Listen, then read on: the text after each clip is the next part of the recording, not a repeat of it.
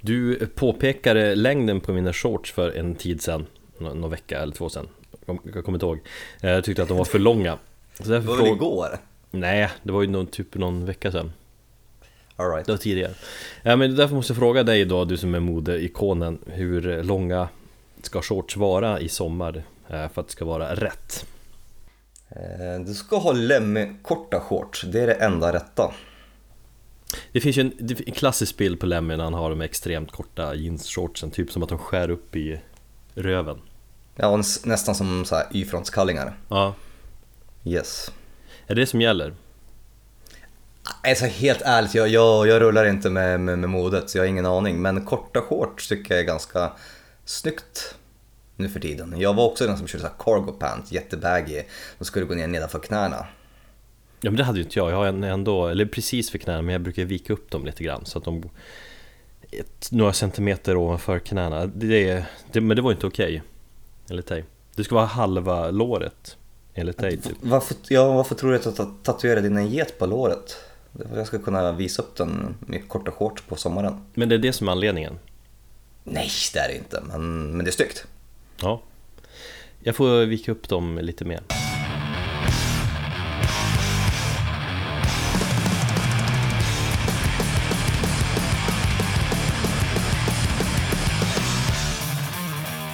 Hej hej, hemskt mycket hej. Du lyssnar på Metalpodden, det 52 avsnittet. Jag heter Erik och driver den här podden med eh, Thomas. Hallå där och välkommen tillbaka Erik. Ja, jag är tillbaka, vi är tillbaka, mycket har hänt sen sist. Eller kanske ja. inte egentligen, men det känns som det i alla fall i, ja, i mitt liv. Eller ja, både och. Det är första gången du spelar in den här podden med två stycken män i hushållet. Två stycken... Utöver dig själv då? Två stycken män, det känns lätt jättekonstigt. Men två stycken pojkar då? Ja, jo jag blir farsa igen och jag är väl inne i någon form av Säger man bebisbubbla Ja men det, allt känns lite annorlunda och så och inte så mycket sömn Han ligger ju och gnyr på nätterna Det är jobbigt med de där små tarmarna som ska köras in typ Likt ett par nya högtalare som man köper som man måste spela 100, 100 speltimmar Jämförde du din sons tarmar med ett par högtalare? Ja, exakt okay. det jag gjorde Alright ja. det, fan, det, är, det, jag tänkte på det, det är ganska märkligt att liksom kunna säga att man är en tvåbarnsfarsa Titulera sig som en tvåbarnsfarsa, hur gick det till liksom? Ja, ja jag ska ju titulera mig som tvåbarnsfarsa i höst och jag har ingen aning om hur det gick till andra gången. Ja, du tänkte rent hur... Ja. Ja, vi vet ju hur man Rent praktiskt. Mm.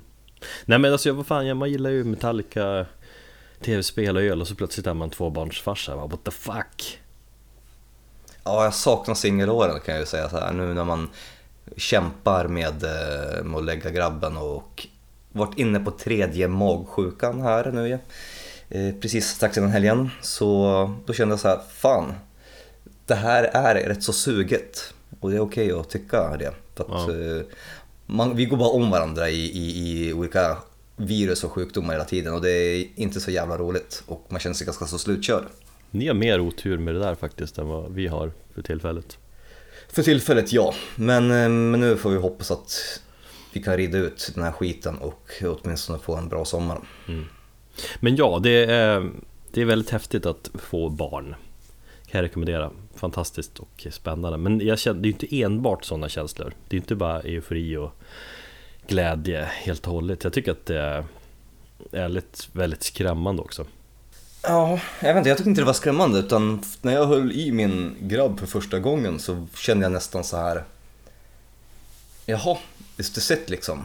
Var den här euforiska känslan, den här mirakelkänslan som alla pratar om. Mm. Han är här, det är det här jag har förberett mig i nio månader och nu har han äntligen kommit ut. Jag är skitklart jätteglad och nöjd och, och, och, och, lycklig men, men det var inte så här jätteeuforiskt. Det var på så men nu är du här grabben, nu har jag väntat på dig och du är här.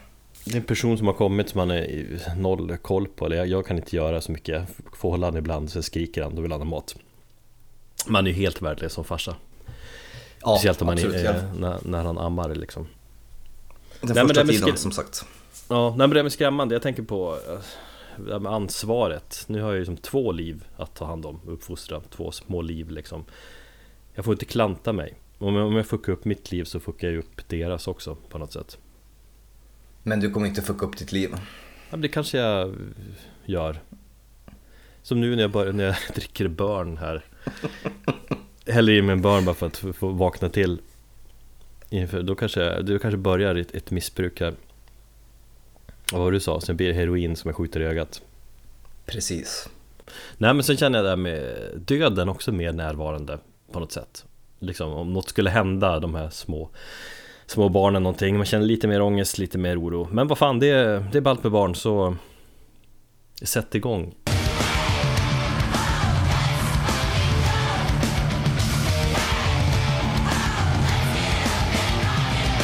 Ska vi snacka lite Entombed? Jajamän, det tycker jag. Det är riktiga Eh. Entombed alltså Precis, inget eh, suffix på slutet där. Nej Ehm, ja, den här ehm, utdragna rättsprocessen med, vad var det, bannamn, nej det var inte bannamnet men det var rättigheten och vem som hade rätt till vad är ju äntligen över. Vem som har rätt att använda Entombed Precis. Eh, och det följer till det riktiga Entombeds favör. mm, Då snackar alltså Nick Andersson, Hellid och Cederlund. Yes eh, Och då har ju Alex skrivit eh, på Facebook typ att det är sjölättnad och att de har diskuterat planer och idéer för framtiden vad de ska göra liksom både, Mm. i, både i studion och i live-sammanhang skrev han Och då blir man ju ändå lite pepp För det hade ju varit coolt om ni gjorde Nej men om ni gjorde fler gig med samma uppsättning som på Close Up-båten för det var överjävligt bra och så är det lite kittlande att leka där med tanken hur det skulle låta om de skulle skriva ny musik Det har vi ju varit inne på tidigare också Men Mm. det känns ju när Alex skriver sådär att det Att det verkligen kan bli av Ja, alltså. Nu vet inte om jag är kanske lite för snabb på bollen, men när vi snackade om det här senast då spekulerade vi ju om det eventuellt kan komma en skiv, ny skiva från bandet. mm. Nu känns det som om det verkligen kan göra det, eller jag har nästan räknat med att det ska komma en skiva under 2018. Oj, så snart? Ja, det tror jag väl. Jag tror säkert de har en massa riff eh, undanlagda och som, som ligger och väntar på att få klippas ihop med något, um, ja, och bara göras någonting av med det.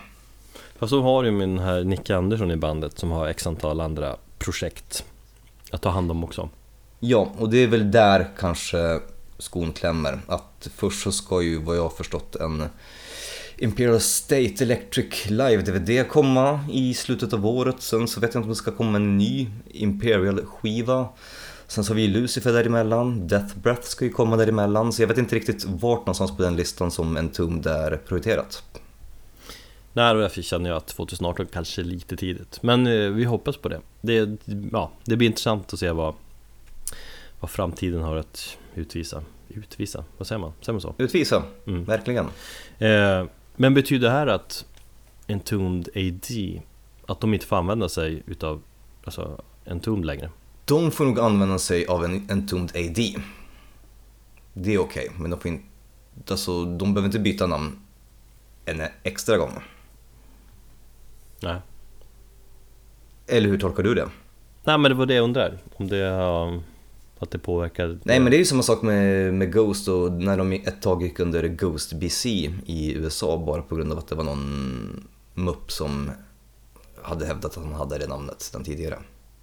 Ja fast de då hade uttalat De använde Ghost BC för att de kände att Det kommer säkert vara folk som stämmer dem annars Ja, de var ju nära på att bli det av någon, eh, av någon artist som, som hävdade det namnet. Jag tror det är samma, samma fall här, liksom. så länge du bara lägger till någonting som inte lå- låter som ursprungsnamnet så eh, är det okej.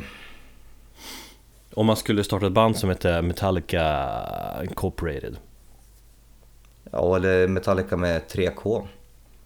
Så tror jag säkert, ja ah, vet fan. Det ja. vete fan, då kommer advokaterna kommer Ulrik där och vevar med snoppen. mm. Blitsnoppen Ja ja, vi får väl se Men eh, mer än tomt till folket hade ju varit kul Sveriges bästa band genom tiderna. Smack! Bam! Och jag måste ha en, en tom vinyl. Så är det. Ja det måste du. Mm. Köp någon av de här uh, nypressarna. Ja, jag funderar faktiskt på att göra det. Jag måste köpa alla dem också. Jag har ju bara To Ride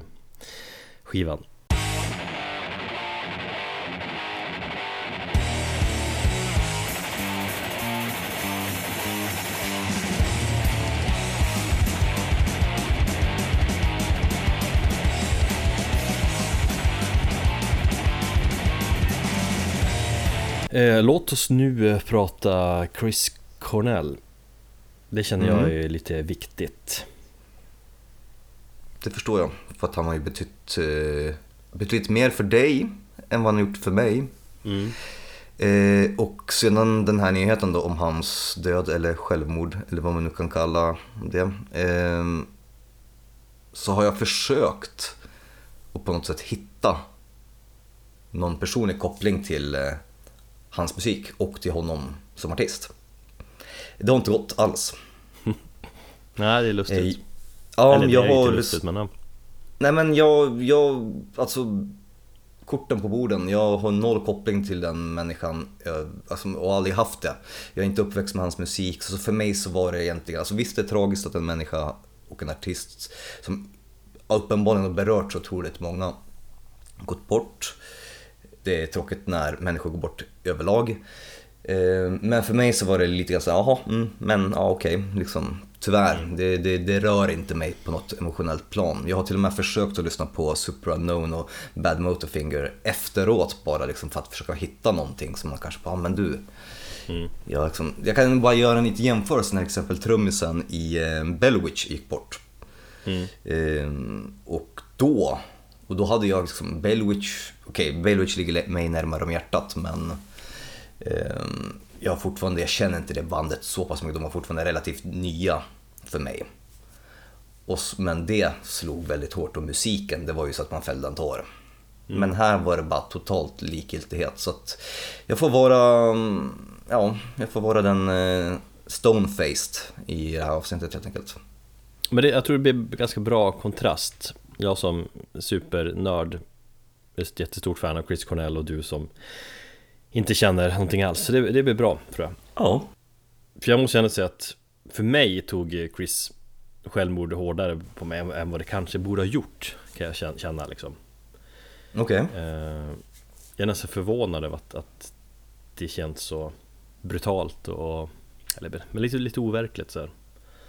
Ehm, och jag tycker fortfarande känns det också lite overkligt. Jag, jag är fortfarande ganska ja, men relativt känslosam kring det hela. Men det, jag, jag tror det är också kopplat mycket till allt annat som har hänt ehm, i mitt liv. Eller här på senaste tiden. Det var ju väldigt Mm. känslosam tid i samband där med att han att de nyheterna kom att han, han, eh, att han var död. Dels min, min svägerska gick ju bort i cancer Just ja. eh, och dagen efter så föds vår son. Och jag läser liksom om Chris Cornell och eh, när Linn, min sambo, när hennes verkare som, som värst och mest kämpigast. Då undrar man, vad gjorde du med handen i telefonen istället för att hålla koll på henne? Vi gick en promenad runt Danderyds sjukhus Jag vet, jag skojar. Och då bara tog jag fram mobilen, kollade vad klockan var så bara, ja, fick jag något, hade jag fått någon meddelande från någon så blir man så här, bara "Fa- fan Eller var det så att Linn hade någon så här Så var det, hon har ju någon Aftonbladet Nyhet att hon får en notis när det är så stora Ja. nyheter om Breaking news. Ja, sånt som jag hatar Mm. Men i det här fallet var det ju Intressant. Ja, Jag kan ju verkligen förstå att det var en turbulent period, alltså he- hela den, den veckan och de dagarna kring, kring förlossningen och allt som hände så var det väldigt turbulent och med det här in på. Mm. Men det var så oväntat med, med hans självmord. Alltså, Chris Cornell har ju i alla fall de senaste typ jag vet inte, 15-20 åren framstått som den den liksom perfekta musikern och snubben. Världens bästa sångröst, liksom fantastisk karriär. Han var väl ren från droger sen typ 2002 eller någonting? Ja, precis. Som han har ju så framstått som värsta renlevnadsmänniskan på det viset. Mm. Med fin familj och bo i Paris och så här och ha två eller tre barn. Eh, man har fått känslan att han har varit den, eller är den, ja, den perfekta familjefadern liksom. Men ingen är perfekt och det är oftast då man försöker upprätthålla en sån där perfekt fasad som det döljer sig någonting bakom ytan. Ja, alltså skenet bedrar ju ofta. Men sen vet man, han har kämpat mot missbruk, man vet att det har liksom funnits ett mörker i honom, framförallt det ser man ju inte minst i hans texter och musik. Det är, alltid, alltså det är därför jag har fastnat för honom, just att mörkret har alltid varit liksom närvarande i hans musik. Mm. Och så har det kommit fram att han käkar ångestdämpande mediciner och sånt där. Eh, alltså det där mörkret som vi alla har i oss, det är ändå Det är ändå skrämmande. Eh, Men kom det fram, eller är det fastställt att han, tagit, att han tog livet av sig? Ja, det är det. Det finns Fan. jättemycket smaskiga detaljer kring själva ja, självmordet så om man vill veta massa om det så finns det att läsa. Ja men jag läste lite grann och då, och vad jag förstått så hade han någon eh, livvakt som var, höll på att hjälpa honom med hans dator. Alltså minuterna innan. Eh, att han hade blod, hittades med blod i mungipan och så att han hade någon, var någon snara runt halsen. Ja, han hängde sig. Så. Ja, just det, ja, han tog inte en överdos. Nej, okej han hängde sig, just ja. Han tog inte en överdos, så var det. Ja men det är just det, vet, man kanske inte ska prata så mycket om detaljerna så, eller jag känner, känner inte för att göra så, men just ändå att han hängde sig gör det hela ännu mörkare på något vis. Ja, det, det, är, ganska, det är ganska brutalt ja. Mm. Sen har väl frugan sagt att han var inte i sitt rätta tillstånd, men visst det var väl någon biverkning av medicinen han tog som gjorde att han kunde man bli lite mer självmordsbenägen och sånt där men eh, visst, han hade ett eller mådde väl inte så bra. Det sa ju rapporter från sista konserten där också att han hade missat liksom någon vers här och där och kommit in sent på en sång eller på en låt där och, och allmänt känns lite förvirrad och konstig liksom. Så han var väl, Mm. han gick väl på någonting så. Nej men alla har, har vi det där mörkret i oss. Eh, Om man ska se någonting positivt med hans självmord så kan det ju vara ändå att folk Ja men folk får upp, upp ögonen lite hur, det, hur vanligt det är ändå. Om han som utåt sett hade det perfekta livet, tar livet av sig så kan ju vem som helst göra det. Det är, det är inget som syns utåt liksom. Nej, Det tycker jag verkligen att det har kommit upp en de- debatt om mental hälsa Mm. bara under den senaste veckan. Och jag tror att under, under varje, när det händer, alltså när en stor artist går bort och som kanske har haft något speciellt missbruk eller haft någon mentala störning eller så, så kommer, brukar det oftast blossa upp. Men sen så, så här försvinner den debatten också, så jag hoppas att det här kanske kan bidra till att den på något sätt, hans död kan upplysa betydligt mer än vad det brukar göra. Jo, men jag tror det eftersom det kom så oväntat. Ja, för hade- Alla var ju verkligen chockade när det kom. Det var ju det var inte som att, ja, man, det var ingen som såg det komma. Nej, vilket man kanske brukar kunna göra. Eller så- man vet ju inte allt liksom bakom Nej. kulisserna. Han var ju väldigt privat av sig också. Det har ju alla som uttalat sig och hur mycket de älskar Chris Cornell hit och dit. De har ju sagt att ja men de andra bandmedlemmarna i Soundgarden, de var ju alltid liksom backstage och hängde med. Men han, var, han försvann alltid direkt efter gigget. Och han tog flyget till, eh, hem till familjen och sådär. Och han var väldigt privat av sig på det viset. Svårt att lära känna honom. Mm. Kanske säger någonting, men jag vet inte. Eh, Men sen inser jag ju också när jag funderar att det, det är inte liksom, det är inte personen Chris Cornell som jag, jag sörjer egentligen så. Alltså, jag kände honom ju inte på något sätt på det viset. Utan det, det är ju det är musiken, det är sångrösten som var just att det har varit så stor del för mig och min uppväxt eh, som påverkat så mycket. Eh, Mm. Ja men hans musik har ju varit en väldigt stor del av min personlighet, mitt liv och det är som att Det blir som att det, det slits bort en del av den scenen, eller ja, att det påverkas Jag Det är någonting det som är själva sorgen på något vis Inte liksom att han var så fin kille Men sen är Linn påminner mig senare, eller senast idag faktiskt att eh, Den där jag lyssnat på sen hans bortgång är Chris Cornell Alltså, Ja, men jag har typ inte lyssnat på allt när jag var hemma. Och det är så jag har hanterat det hela, du vet. Jag har lyssnat igenom allt. Ja, men i stort sett allt han, han har släppt. mm.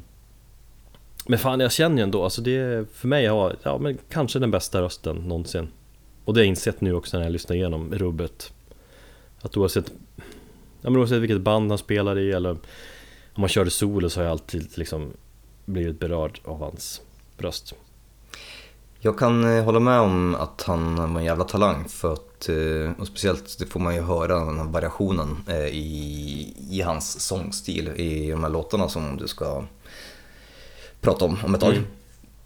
Eh, så det, det köper jag absolut, vilken jävla pipa han hade. Sen var han jävligt snygg på äldre dagar också.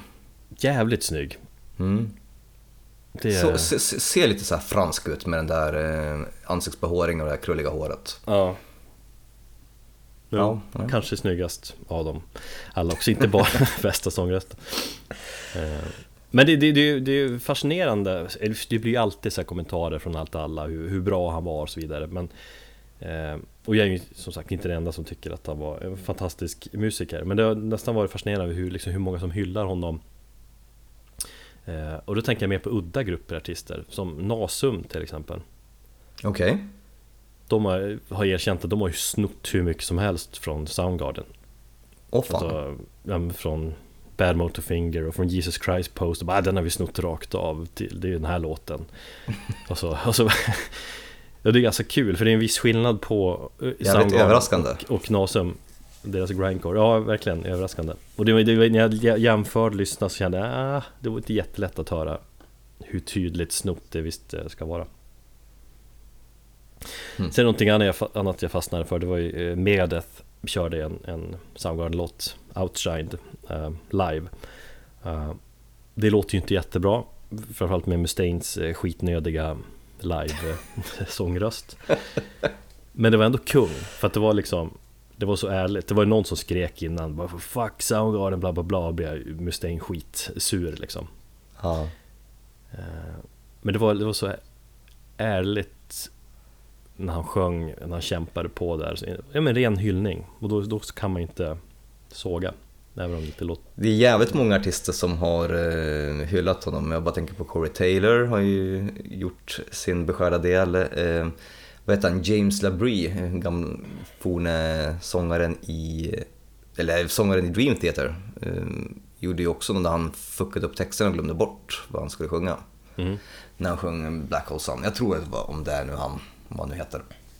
Ehm, sen så, fan var det mer? Jo, ehm, jag såg ju bara, rätt så intressant nu i helgen så såg jag Petter Dolving hade skrivit en eh, statusuppdatering om eh, hur kändisar har liksom på något sätt profiterat på hans död. Och jag tänkte på Chester Bennington från Linkin Park sjöng Halleluja på hans begravning.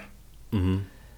Och han rasade över att det kändes som att Chester använde det som en form av eh, ja, sätt att och, och, och kanske göra mer PR för sig själv och sitt band än att han faktiskt var ditbjuden och, och sjöng. Det vet jag ingenting om. Framförallt Men kan man säga att det var, känns lite, det var lite oväntat att han fanns där på begravningen. Men vi vet, men det är klart, de kan ha känt varandra, eller uppenbarligen gjorde det men Ja, ja så kan det väl ha varit, absolut. Men ja, Annars såg man ju bilder från, ja men, alla, hela grunge-gänget liksom Dave Mm. Grohl och gänget och, men även så här super Hollywood eh, med Brad Pitt och Christian Bale och hela det där gänget var ju på begravningen åh fan. Mm. Så han kände ju lite folk, den gode Chris Ja, verkligen. Men i sann metalpodden anda då Så måste jag givetvis köra en lista Ja, På fem låtar och jag tänkte köra fem låtar där Chris Cornell sjunger På ett jävligt bra sätt Eh, Sen måste jag säga att fan av alla listor man har gjort nu Vi har gjort några listor i den här podden så jag, Kanske det här var den svåraste hittills åh fan, okej. Nej men jag ville ha liksom bra bredd och Alltså otroligt svårt att välja, jävligt svårt Eh, Men jag tror att jag fick till rätt bra ändå Har du lyssnat på låtarna? Självklart. Så får du lägga till någon kommentar om du har någon så. Mm. Men vi, vi börjar där det började Med Soundgarden eh, Ett band som bildades 84 Så det är ett jävligt gammalt band egentligen Om man tänker efter Mm. De släppte första EPn Screaming for Life 87 på klassiska skivbolaget eh, Sub Pop. Det där skivbolag som signar en massa band inom Seattle-scenen, bland ett band som heter Nirvana då. Eh, det har gjorts massa Mm. dokumentärer om, om eh, Sub Pop eh, och så. Så vi ska lyssna på låten Nothing to say som jag tycker är bäst från den EPn som är lite Den är lite speciell, det är, det, det är så här tidig grunge rock eh, Mörkt och nedstämt Och så Chris sången han ligger väldigt, väldigt högt Som han oftast sjöng på, på den tiden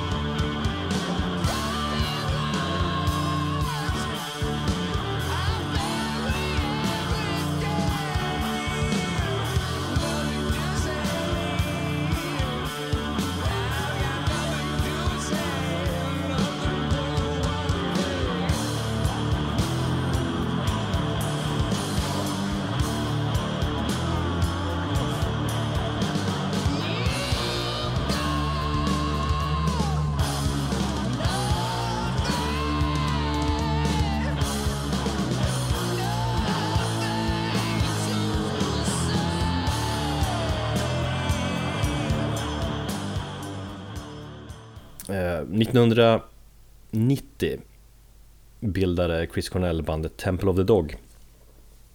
Band som de bildade som en hyllning till eh, Andrew Wood, eh, en musiker och polare till Chris Cornell som sjöng i Mother Love Bone bland annat och något annat band som dog där 1990 Då, ja, då bildade han Temple of the Dog som sagt som bestod av Förutom Chris Cornell även trummisen Matt Cameron från Soundgarden. Mm. och så ett gäng från eh, Pearl Jam då eh, Det här bandet eh, hörde jag talas om för första gången tror jag typ i höstas. Jaha Ja just det, Ja. de gjorde en 25 års eh, spe- jubileumsspelning typ Ja, Var det kanske var samband så, med det? men jag minns inte riktigt i sammanhanget men jag hade ju ingen aning om att det här bandet existerade.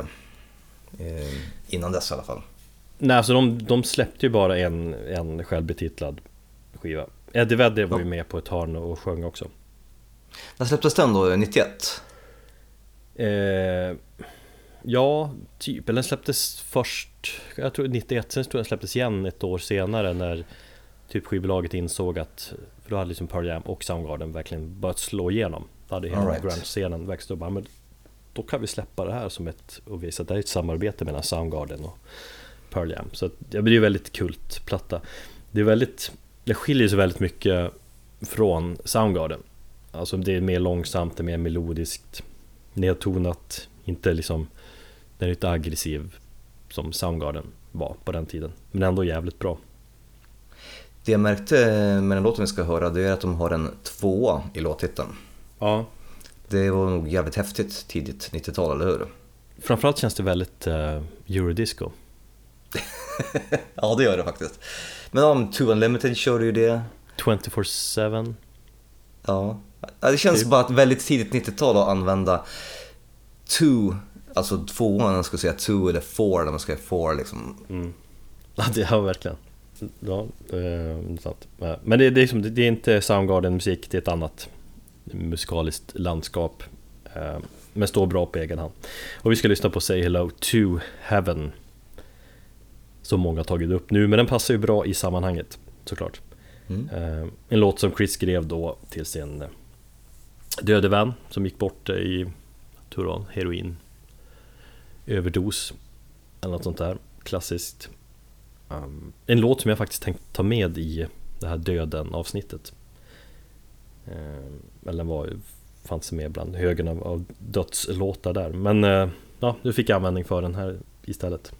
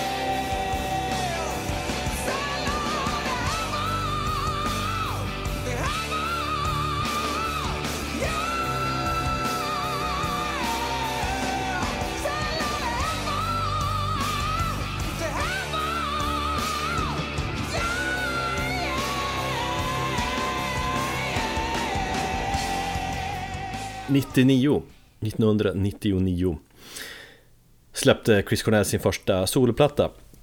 Eh, Och sen, han släppte den sista 2015 eller 2016 Så han hann med att släppa tog fyra studioplattor va? Ja, och en liveplatta. Så det var en ganska intensiv solokarriär. Med tanke på att han också hade fullt upp med, med Audioslave och eh, Ja, blev en återförening med Soundgarden under, under samma år. Eh, men jag gillar framförallt den första soloplattan Väldigt mycket Och även den sista som kom här för något år sedan, High Truth, eh, är bra skit Sen släppte han också en platta som heter Scream ehm, Som eh, den här Timbaland, eller Timbaland producerade. Det var den jag tänkte på. Jag tänkte precis fråga dig om, hade inte han, eller släppte inte han någon skiva där han blev väldigt bespottad av rockfansen för att han gick och sålde sig? Jo, det är alltså jag eh, Jag har väldigt svårt för den, den skivan. Jag lyssnade igenom den för ett par dagar sedan också så Den är så jävla Ja den är dålig. Men det är så, istället Men- för gitarrer så är det mer Det är som elektronisk pop och det är Mycket bas, alltså Verkligen superkommersiellt tänk Med ett av de där Ja. största producenterna då. Nu vet jag inte hur högt Timbaland räknas idag Men då För typ snart 10 år sedan, 9 år sedan kanske. Eh, Var det så länge sedan? Mm, Åh fan. jag tror den kom 2008 eller 2009 eller så. Nej men då var han ju hypad. Ja, men alltså den är fantastiskt dålig. Alltså det det är så här. um, Man hör knappt att det är Chris Cornell. Jag tycker en producent ska ta fram sångarens röst liksom. Ja. Men det ligger massa filter och skit i vägen på något sätt. Men så är det någon pop för den, då ska man bara lägga på autotune och skita ner allting. Ja men det är alltså just den, Lager av effekter och skit. Exakt, och just den skivan är en, en stor anledning till att jag liksom hatar, eller inte hatar men har ja, jävligt svårt för sådär kommersiellt producerad superproducerad pop liksom. För det känns inte genuint och det berör inte på samma sätt. Nej, sen visst man får väl ge eller cred, men man får väl ändå ge respekt till Chris att han liksom försökte, ja, han ville göra någonting annorlunda hela tiden. Ja, absolut. Men vi ska lyssna på en låt från hans eh, första soloalbum eh, eftersom den är bäst då. Euphoria Morning. Ehm, Hans mål var att göra någonting helt annorlunda mot vad han gjort förut med Soundgarden så. Och det tycker jag att han lyckats med, skivan är Ja men den, det är något speciellt över hela den skivan, soundet och mel- melodierna Jävligt snygga melodier, lite så här Lite förtrollande på något sätt, i brist på bättre ord Nej men bra ord, för jag tyckte att den var faktiskt, ja, den var lite mysig när jag lyssnade Ja. på den. Ja men lite psykedeliskt och, och magiskt någonstans Mm. Det är en väldigt bra beskrivning. mm. Och du gillar den också? Det gjorde jag. Det är härligt Man kan, eh, man kan rekommendera hela den plattan väldigt mycket Eh, Så vi lyssnar på låten eh, Follow My Way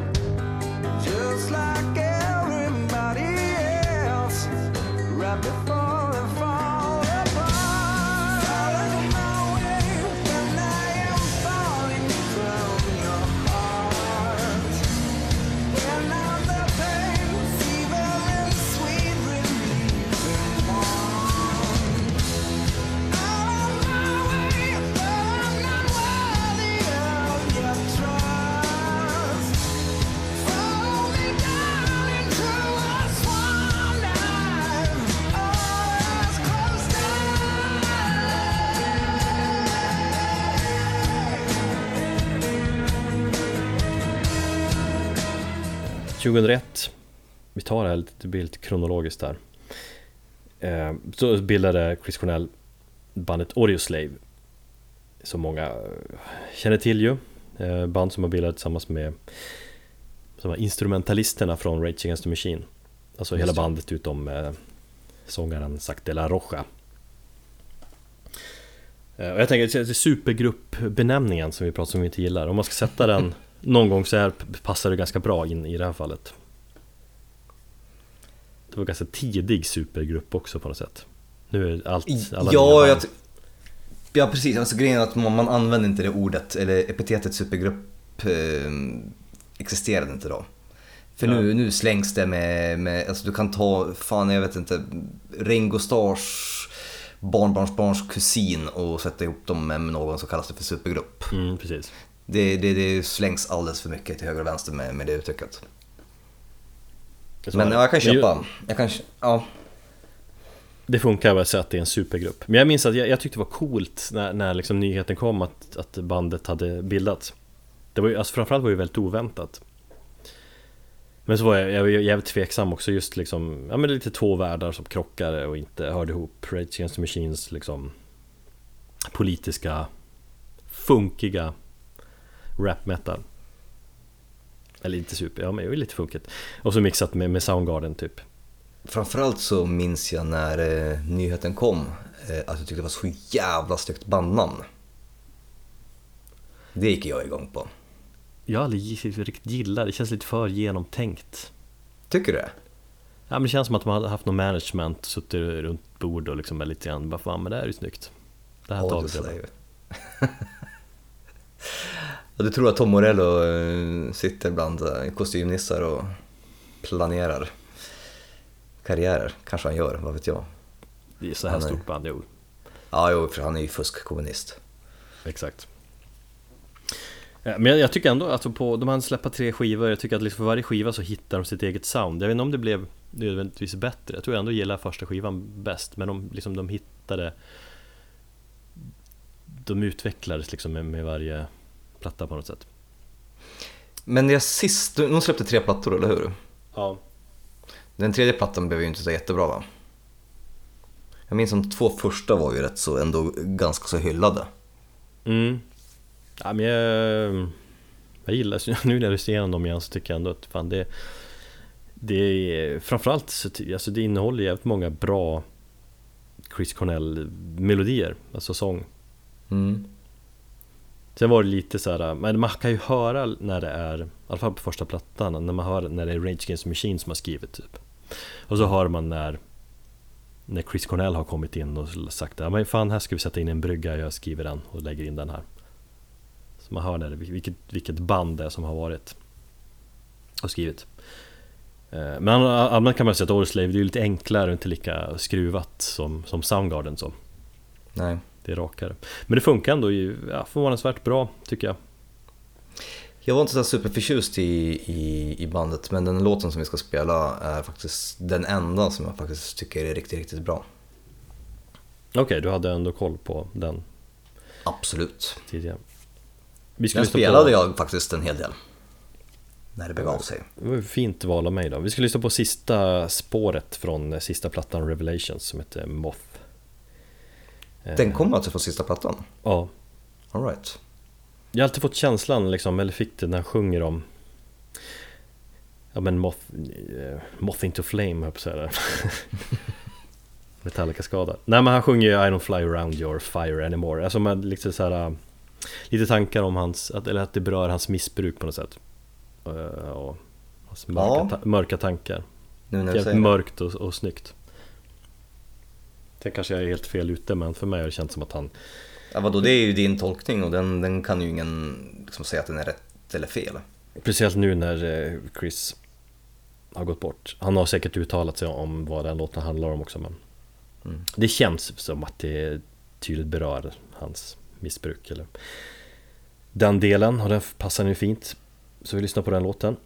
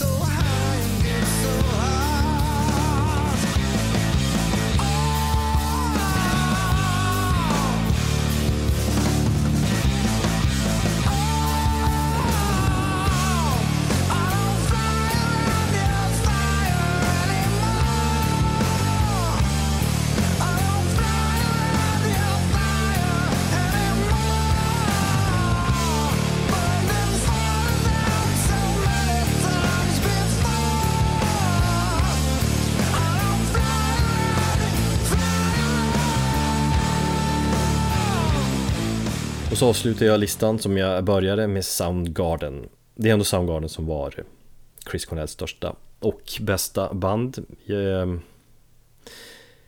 Därför vill jag avsluta med en låt som jag tycker är bandets eh, bästa. Om jag liksom, du vet, kniven mot strupen. Eller egentligen, jag kan tydligt säga att jag tycker att det är deras bästa, bästa låt. Eh, Jesus Christ Pose. Motivera. Nej men jag vet, många säger ju liksom förstås att Black Hole Sun är dess bästa. Eller i och med att det är deras största hit och, och sådär. Men Jesus Christ Pose den innehåller liksom fler Soundgarden-element på något sätt. Alltså på något sätt kan man säga att Jesus Christ Pose är själva grunden, liksom, eller essensen i, i Soundgarden. Jag vet alla Mm. fyra bandmedlemmar har varit med och skrivit låten och så just med, med Matt Camerons eh, sjuka liksom trumspel på den här låten. Och så Chris Cornells sång då som är bara bortom mäktigt. Mm. Så det är en speciell groove i låten som gör att den, den är så jävligt bra också. Och så sådär typiskt eh, Soundgarden-skruvat på något vis. Okej. Så därför ska vi avsluta med den och det var liksom min Chris Cornell-hyllning.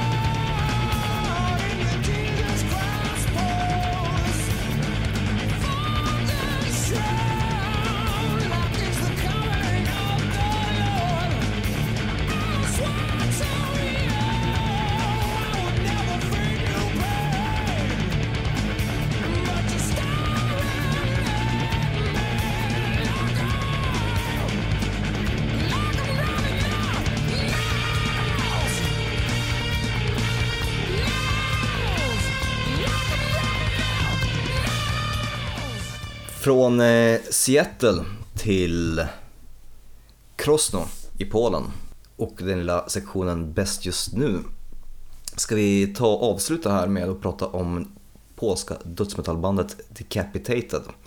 De har en ny skiva som släpps i 7 juli har jag för mig. Som heter Anticult. Ehm, och jag, ren transparens då. Jag är inte något stort fan av Decapitated och eh, inte speciellt bevandrad i deras musik eller deras historia heller. Eh, ganska, än, än bara lite, lite ytligt. Eh, men jag fastnade lite grann i, eh, för den här nya skivan då. I och med att jag fick den som ett recensionsexemplar och, och var tvungen att tycka till om den så lyssnade på den ett gäng gånger och tänkte fan, det här var ju riktigt bra.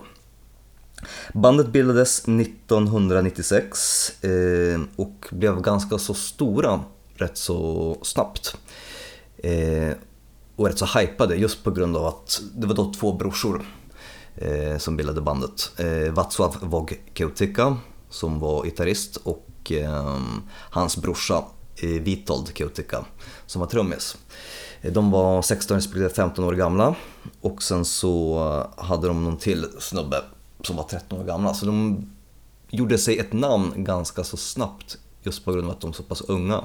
Och de spelade en hel del av den här eh, tekniska, brutala dödsmetallen. Du vet, den när man runkar skalor och har riktiga kakmonster-growl. Som, som är bättre att se eller upp, upp, upp, lyssna på live än på skiva kan jag tycka. Det är mer underhållande live. Absolut, det är det. Eh, det är skittråkigt att lyssna på en skiva. Eh, jag har i hela helgen har jag bara lyssnat på den här tekniska dödsmetallen då. Varit tvungen till det. Eh, Jag har lyssnat på, jag vet inte hur många skivor, eh, i ett speciellt ändamål då, som jag inte riktigt kan gå in på än, men det kommer bli väldigt klart snart. Slamdöds kallar jag det för. Det går under technical death metal, brutal death metal, det finns all, alla möjliga olika benämningar, jag kallar det för slamdöds. Varför då? Nej men det är en av benämningarna, jag tycker att det låter bra. Det är ju den här lite mer vet, gore, går lite grann åt gore-hållet. Lite som Cannibal Corpse. Fast det kan ändå vara med, eh, ja, ibland med lite futuristiska inslag också. Jag tänker på du vet, band som Dying Fetus, Decrepit Birth, eh, sen så har du ju typ, eh, vad heter de? Eh, Origin som sjunger om galaxer och, och sånt. Mm.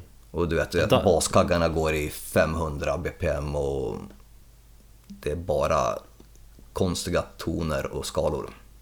Mm. Nej exakt, det är ingen genre som jag är jättesupersåld på heller Men just Dying Fetus tycker jag är riktigt bra Du tycker det? Stundtals Ja men alltså Okej i, i liksom i högre doser kanske det blir lite tjatigt men Sen jag såg dem live för, ja det var ganska många år sedan så har jag liksom Så fattade jag dem bättre Så har jag ändå haft Lyssnat en del på dem Ja, i den, bland de här skivorna som jag lyssnade på i helgen så var ju Dying Fetus nya där. Eh, som har en Nails-minnande eh, albumtitel som heter Wrong One To Fuck With. Så jävla dåligt. Eh, det är någon trend där. Eh, you will never be one of us, a wrong one to fuck with. Eh, och det var liksom kombinationen av att de hade ja, runkade skalor och hade en jävla Saint Anger virveltrumma gjorde att jag blev så jävla förbannad på den plattan. Men du kanske gillar den, jag eh, uppskattade inte den och jag kan uppskatta, eller jag uppskattade Dying Fetus tidigare i små doser. Mm. Men nu var det Decapitated vi pratade om. Ehm, som sagt, bildat 96 eh, och de spelar den här tekniska brutala dödsen eh, väldigt tidigt. Men har sen egentligen, ja men säg 12-13 år tillbaka i tiden gått åt det mer grov-orienterade döds-thrash-hållet. Grov eller groove? Grove. Nu kommer väl Aron sitta där och småflina för att jag uttalar grov fel. Grove. Eller, Ehm, eller spela om grov döds Nej, groovig döds-thrash. Eh, visst finns det fortfarande element av det här tekniska kvar men det är inte på samma sätt som det var förut. Ehm, bandet var med om en eh, bussolycka eh, 2005 eller 2006 eh, och då gick då trummisen bort. Oh. Eh, och det var där som då den gitarristen då, eh, Vog som han kallas, eh, egentligen la bandet på is där för han trodde inte han kunde fortsätta att köra Decapitated. Men efter eh, lite om och men och sådär så råkade han hitta musiker och så bestämde sig att han vill hedra sin brorsa så åter, återupptog han bandet. Så det var någonstans där i skiftet som bandet började gå till det med det här grooviga hållet. Det kanske var det som behövdes också, att de behövde ändra Jag välkomnar utvecklingen verkligen för att jag tycker att det låter jätte, jävligt bra idag. Sen så finns det säkert de här eh, true decapitated fansen som inte skulle hålla med mig. Alltså jag måste ju ändå säga, jag är lite dum i huvudet och lite morbid så här, men bandet blir ju lite intressantare, eller jag, börjar bli genast lite mer in- intresserad när jag hör om den där olyckan Ja men ja, man får ju en historia till, till bandet som... Jag, jag tycker inte det är morbid, det är väl någon form av fascination. Jag, jag tycker också att det på något sätt blir intressant. Ja det blir intressant och så finns det liksom eh, ett mörker där som är ja, intressant att Ja, ta sig de, in i Ja, absolut. Ehm, och spe- speciellt om man tittar på idag och hur de ändå lyckats resa sig och, och, och egentligen med nya bandmedlemmar, ny sångare och allting så har Vogue då lyckats få upp bandet och är minst lika bra, om inte bättre, idag.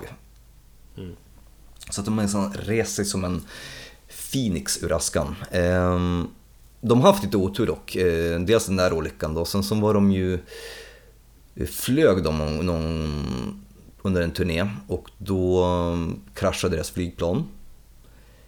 Alla klarade sig oskadda och sen så har de haft ytterligare efter detta en till bussolycka mm, på turnén.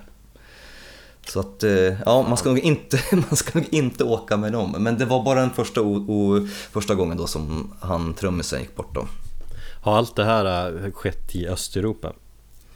Eh, oklart. Eh, det skulle faktiskt inte... Ja, eh, det stämmer. Jo, Vitryssland. Gamla flygplan, gamla bussar och bilar så. Gamla vägar. Jag vet bara hur polska vägarna såg ut eh, under mitten av 90-talet i Polen när jag åkte genom landet. För jävligt. I Östeuropa har man inte säkerhetsbälten heller. Nej, och så dricker man gärna vodka Mm. när man kör bil. Ehm, nej, men så att, eh, och som sagt, eh, jag välkomnar den här utvecklingen till det här lite mer melodiska, lite mer groove-orienterade mm, soundet. Ehm, och låten som vi ska lyssna på heter Kill the Cult. Och jag är ju en väldigt enkel man. Eh, sjunger du om att eh, hata religion och hänga kristna i deras bukar, så fan, jag är såld. Svårare än så är det inte för mig. Mm. Så att jag eh, tycker att vi, vi lyssnar på den låten och sen så tycker vi avslutar podden med det här, eller hur?